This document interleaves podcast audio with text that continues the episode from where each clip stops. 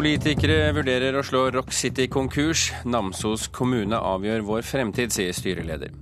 Det har nesten ikke vært forsket på Alf Prøysen. Det skal Høgskolen i Hedmark gjøre noe med. Og maleri kjøpt på loppemarked for 13 000 kroner kan være verdt 350 millioner kroner. Du hører på Kulturnytt med Birger Kålsrud Jåsund i studio. Etter pengestopp fra fylke og stat er Rock City avhengig av Namsos kommune for å unngå konkurs. Men nå vurderer også mange lokalpolitikere sterkt om senteret er liv laga. Nå handler det om å begrense kostnadene, sier Fremskrittspartiet. Nå er det nok, og nå er det på tide at vi som politikere setter ned foten og prioriterer primæroppgaver i kommunen som mange folk i kommunen bryr seg om, fremfor å gi mer penger til Rock City. Det sier Marika Åkervik Pedersen, FrPs gruppeleder i Namsos kommune. Rock City sliter med flere millioner kroner i underskudd og må derfor ut på tiggerferd. Både Kulturdepartementet og Nord-Trøndelag fylkeskommune har sagt nei. Nå ser det ut til at kommunen er det eneste som kan redde Namsos stolthet. Jeg er skeptisk til å øke forpliktelser fra Namsos kommune. Jeg tenker om konkurs at det kan være et alternativ. Men det en vet at de fleste alternativene er dårlige alternativer. Eh, og så må en forhåpentligvis ta det beste av dårlige alternativer. Det sier Kåre Aalberg, SVs gruppeleder i Namsos. Og med dette erklærer jeg Rock City Veien fra jubelbrøl til økonomisk krise har vært kort. I november i 2011 åpna Norges ressurssenter for pop og rock. Siden da har Rock City pådratt seg et driftsunderskudd på 7 millioner kroner, et lån på 20 millioner og ei husleie som ikke er betalt. Styret har sjøl sagt i et hemmelig dokument til sine eiere at de verken har kontroll eller oversikt over økonomien. Nå er det Namsos kommune som avgjør vår framtid, sier Erik Stene, styreleder i Rock City. Vi er veldig avhengig av Namsos kommune. Eh, men de har bukta i begge endene. De, de, bestemmer om Rock City skal leve videre eller ikke. Namsos kommune er Rock Citys største aksjonær og eier, i tillegg til garantist for både lån og husleie. Arbeiderpartiets ordfører Morten Stene ønsker ikke å si hvor langt de er villige til å gå for å redde Rock City. Ja, det er jo et hypotetisk spørsmål som, eh, som, er vanskelig å svare på. Først må vi jo vite hvor langt, vi, langt er nødvendig å strekke seg. Price Waterhouse Coopers gransker nå City for å finne ut hva som gikk så galt. Et flertall av de politiske partiene i Namsos mener konkurs er et alternativ. Men det vil koste, sier styrelederen. Skulle Namsos kommune bestemme seg for å ikke gå videre er, og, og inndri husleiekravet, så er vi konkurs. Dagen etterpå så er jo pengestrømmen fra oss eh, da over. Det er et lån på 20 millioner som Namsos kommune har stilt garanti for. Det forfeller jo da. Fremtidig statstilskudd vil da òg være over. Og vi er åpne for å åpne dører og lukke dører. Det sier Åste Marie Lande Lindau, KrFs gruppeleder i Namsos kommune. Er KrF villig til å gå inn med store pengesummer for å redde Rock City? Ikke på bekostning av andre innbyggere i Namsos kommune. Kommuneledelsen har varsla at både årsregnskap og revisjonsrapport må være klar før kommunen kan ta stilling til om Rock City skal få mer penger. Saken er derfor utsatt og blir tatt opp i kommunestyremøtet i mars. Hvis Rock City ikke lykkes på tiggerferden hos kommunen, kan det bety kroken på døra. I praksis så vil det mest sannsynligvis bety det, ja. Eh, det er selvfølgelig trist for Rock City sin del, men eh, kanskje så er ikke liv laga for Rock City i Namsos, og i hvert fall ikke som, eh, med kommunen som bidragsyter. Ja, det sa Marika Åkervik Pedersen, FrPs gruppeleder i Namsos kommune, og reporter her det var Kaja Kristine Næss.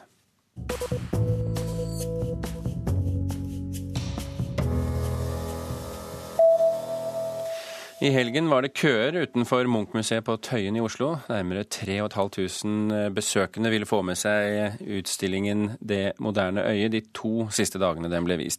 Gårsdagen satte dermed ny besøksrekord for museet, sier kommunikasjonsdirektør Bård Hammervoll.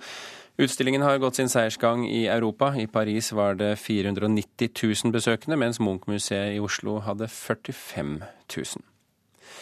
En fiolin som angivelig er fra skipet Titanic skal auksjoneres bort. Ifølge myten spilte orkesteret om bord helt til skipet gikk ned den 15. april 1912. Fiolinen det er snakk om har gjennomgått en rekke tester de siste årene, og ekspertene er nå ganske sikre på at, var, eh, at den var med på Titanic, den skjebnesvangre seilasen.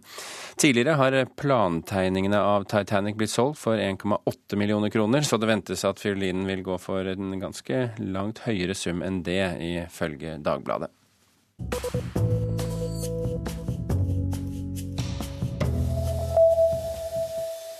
Ja, dette er um, lyden av uh, en uh, film, Charles Poe, som vant uh, Gullbjørnen under Berlinfestivalen.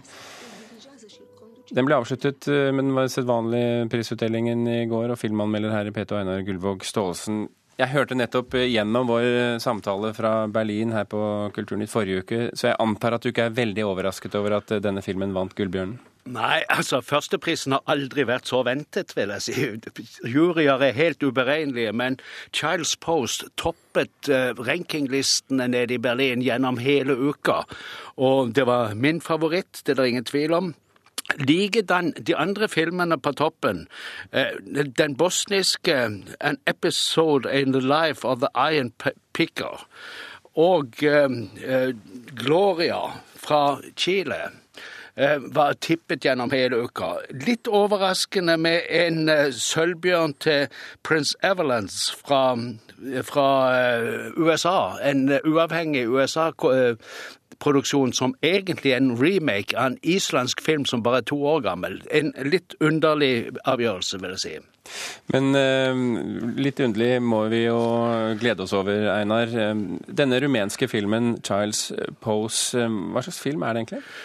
Det er et fantastisk eh, drama om eh, en overklassefamilie i Romania, eh, hvor sønnen kommer ut for en ulykke, dvs. Si han kjører på et menneske som blir drept, og mor skal ordne opp. For mor har forbindelser, mor er vant til å nå frem med sine anliggender, og sønnen er, blir fremdeles sønn, til tross for at han er ganske godt voksen det er et, en, en, film som eh, for det første et fantastisk eh, kvinneportrett. For det andre forteller veldig stort og, og, og inngående om samfunnet rundt denne familien. Det er det som er så fantastisk med de, de rumenske filmskaperne som lager sine relativt enkle historier. De får alltid samfunnet rundt til å spille en hovedrolle i alt det som utvikler seg. Men, men, det er ikke bare Romania, så vidt jeg forstår, Einar. Mange filmer fra Øst-Europa i år? Det er ikke så mange fra Øst-Europa, men det er mange fra små land. Vi har altså Bosnia-Hercegovina er med, med, med juryens store pris. Det er denne som ble laget for bare 17 000 euro. Hm. Det er den tidligere eh, den tidligere Oscar-vinneren Dani Stanovic, han som laget uh, Ingenmannsland, filmen som slo ut Elling i Oscarsirkuset den gangen, i 2001. Altså, han dro ut han hørte om en historie blant, blant uh, romfolk i en liten landsby i Bosnia. Dro ut med tre kamera og noen få uh, medarbeidere og begynte å filme det som foregikk. Det var et, et dramatisk svangerskap. Eh, barnet var i ferd med å dø i mors mage. Og eh, familien eller kvinnen kunne ikke få medisinsk hjelp fordi hun ikke hadde sykeforsikring. Og familien ikke kunne stille garanti for, for eh, de pengene som måtte betales. Og de ville ikke ha kunnet stille garanti, fordi de har aldri noensinne eid så mye penger.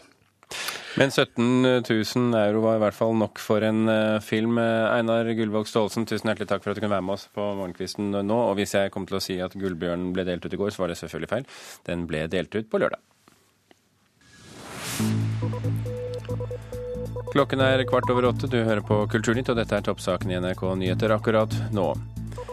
Terrortrente nordmenn i utlandet kan bli farligere for Norge enn tidligere, frykter PST, legger frem sin årlige trusselvurdering i dag.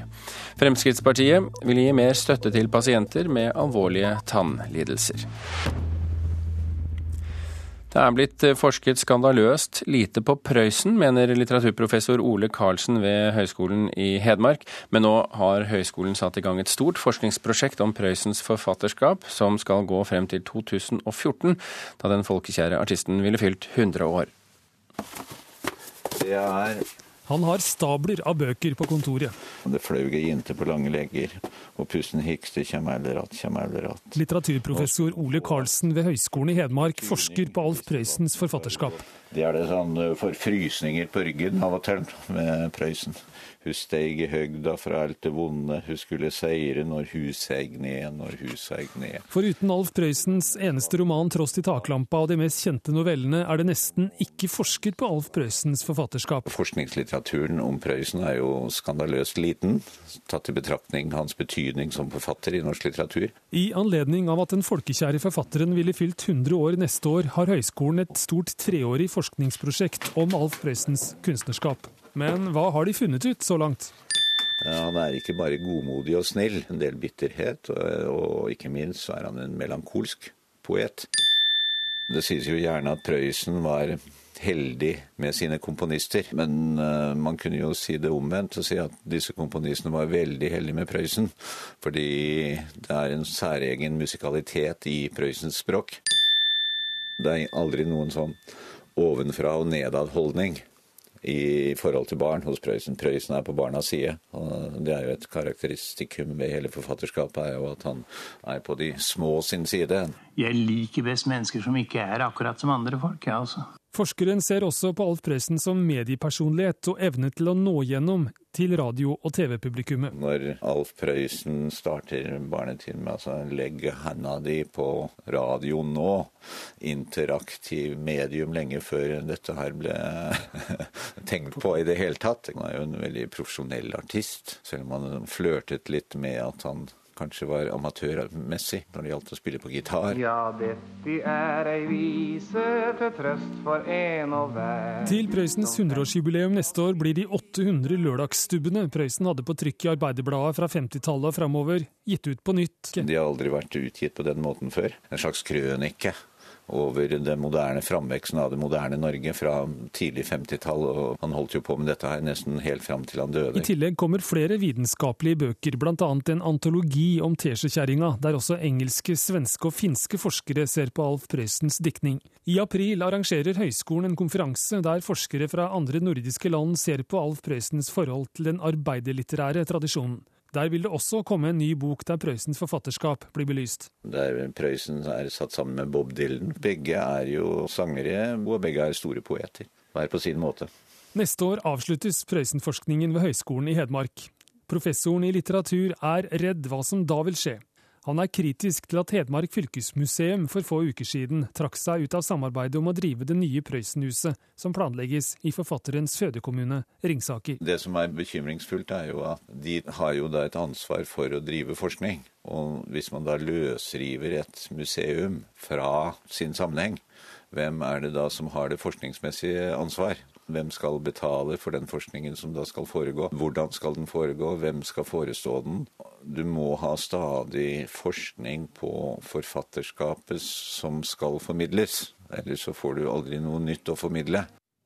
Det sa professor og Prøysen-forsker Ole Karlsen ved Høgskolen i Hedmark. Reporter her, det var Stein S. Eide.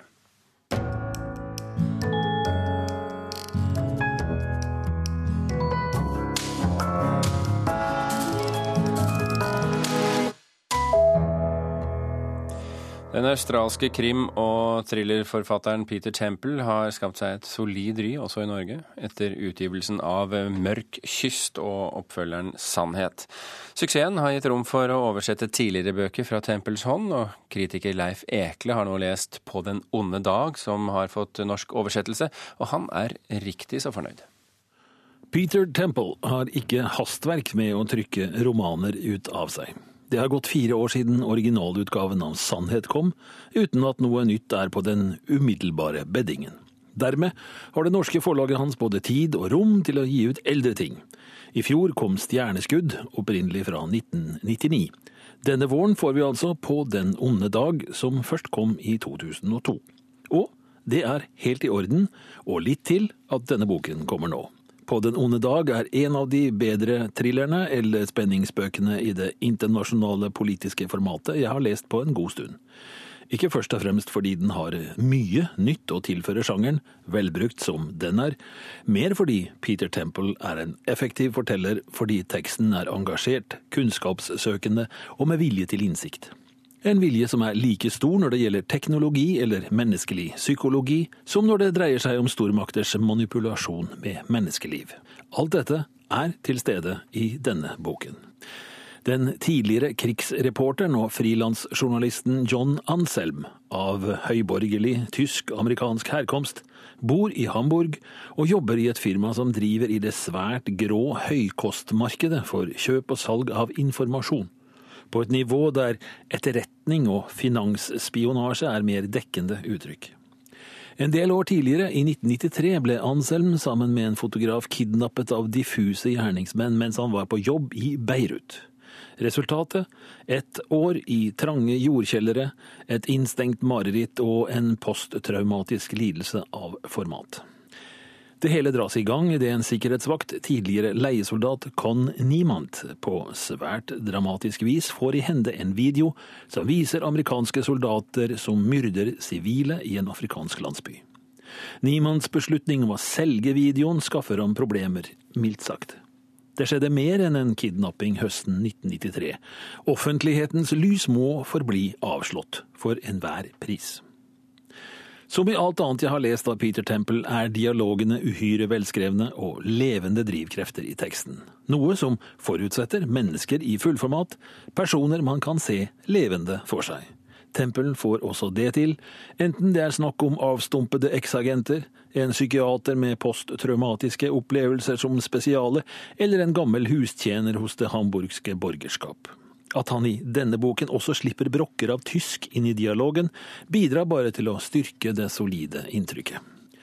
I møte med Tempels bok Mørk kyst påpekte jeg at det ofte hardkokte språket forfatteren benytter seg av, og behersker til perfeksjon, ikke alltid kommer gjennom på norsk. At det er mulig å få det til, går imidlertid tydelig frem av Christian Rugstads fine arbeid med denne boken. Er Leif Ekle som anmeldte Peter Temples thriller På den onde dag, oversatt av Christian Rugstad, altså. Kunstmuseet Musée d'Orsay i Paris vil ikke la eksperter undersøke Gustave Courbets verdensberømte maleri 'Verdens opprinnelse'.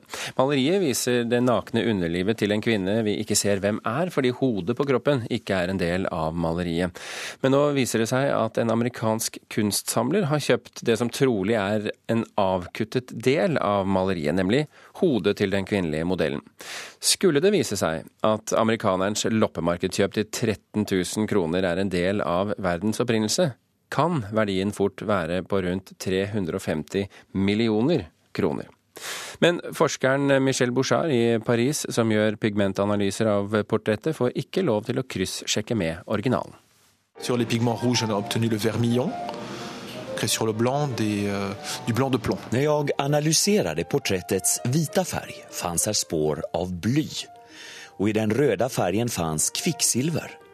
Detta var typiskt för det pigment konstnärerna använde på 1800-talet, berättar Michel Bouchard, som är kemist, specialiserad på konst och leder privata forskningsinstitutet Cara i Paris. En amerikansk konstsamlare köpte ett porträtt för cirka 13 000 kronor på en loppmarknad för ett par år sedan. Samlaren tyckte dock att ansiktet liknade modellen på en annan av KBs målningar. Det tog ungefär en halv dag för forskaren att få fram resultaten i sin pigmentanalys. För att inte behöva ta ut ett prov från porträttet användes en spektrometer med möjlighet till röntgenfluorescens. Den amerikanske samlaren gav andra forskare i uppdrag att undersöka penseldragen och dukens ursprung. Resultaten visar att samma sorts pigment används i de båda tavlorna och att penseldragen är målade på samma vis och att samma sorts duk har använts. C'est-à-dire qu'on n'a pas fait de prélèvement. Là, en l'occurrence, c'est un spectromètre à fluorescence X. Det var år 1866 som den kände franske konstnären Gustave Courbet målade världens ursprung som föreställer en kvinnas sköte. At det er en tavla som blivit avskuren er mange spesialister redan överens om. For förre chefen på KB-museet, Jean-Jacques Fernier, er portrettet en del av verdens ursprung. Han har analyserat tavlan ur en konstsamlares ögon og han sier seg kjenne igjen modellen fra andre KB-målningar. Fernier avråder ändå alla de som nu skulle vilja förena de båda tavlorna. Då skulle världens ursprung förlora i styrka, varnar han, for det er just kvinnans sköte som symboliserer mest sprengkraft, tycker han. Ça perd, ça perd d'ailleurs de, de cette espèce de mystère et de cette espèce de, de symbolisme. Kvinnan som stått modell åt Gustav Courbet ska enligt Fernier vara rødhårige Joanna Hiffernan fra Irland. Og det er ikke hvem som helst. Hun var konstnärens älskarinna. Fast på Musée d'Orsay i Paris tror man ikke at portrettet og verdens ursprung er deler av samme tavla. For tilfellet vägrar man dock låta forskere undersøke deres tavla. Og det behövs ytterligere analyser av båda tavlorna for att verkligen vara säker till 100% på at portrettet og verdens ursprung henger ihop, sier forskeren Michel Bouchard. Je tror qu'il faut vraiment éventuellement confronter les deux œuvres pour pouvoir trancher. Enligt Barry Match kan portrettets värde nu ha ökat från försäljningspriset 13 000 kronor till 350 miljoner kronor. Samlaren vil i dagsläget vara anonym. Reporter i Paris, det var Johan Tolger. Kulturnytt runder nå av. I dag har vi fortalt at lokalpolitikere i Namsos vurderer å slå Rock City konkurs, og at røyksopprettssaken starter i dag. Kulturnytt var ved Espen Hansen, Gjermund Jappé og her i studio Birger Kolsrud Jåsund.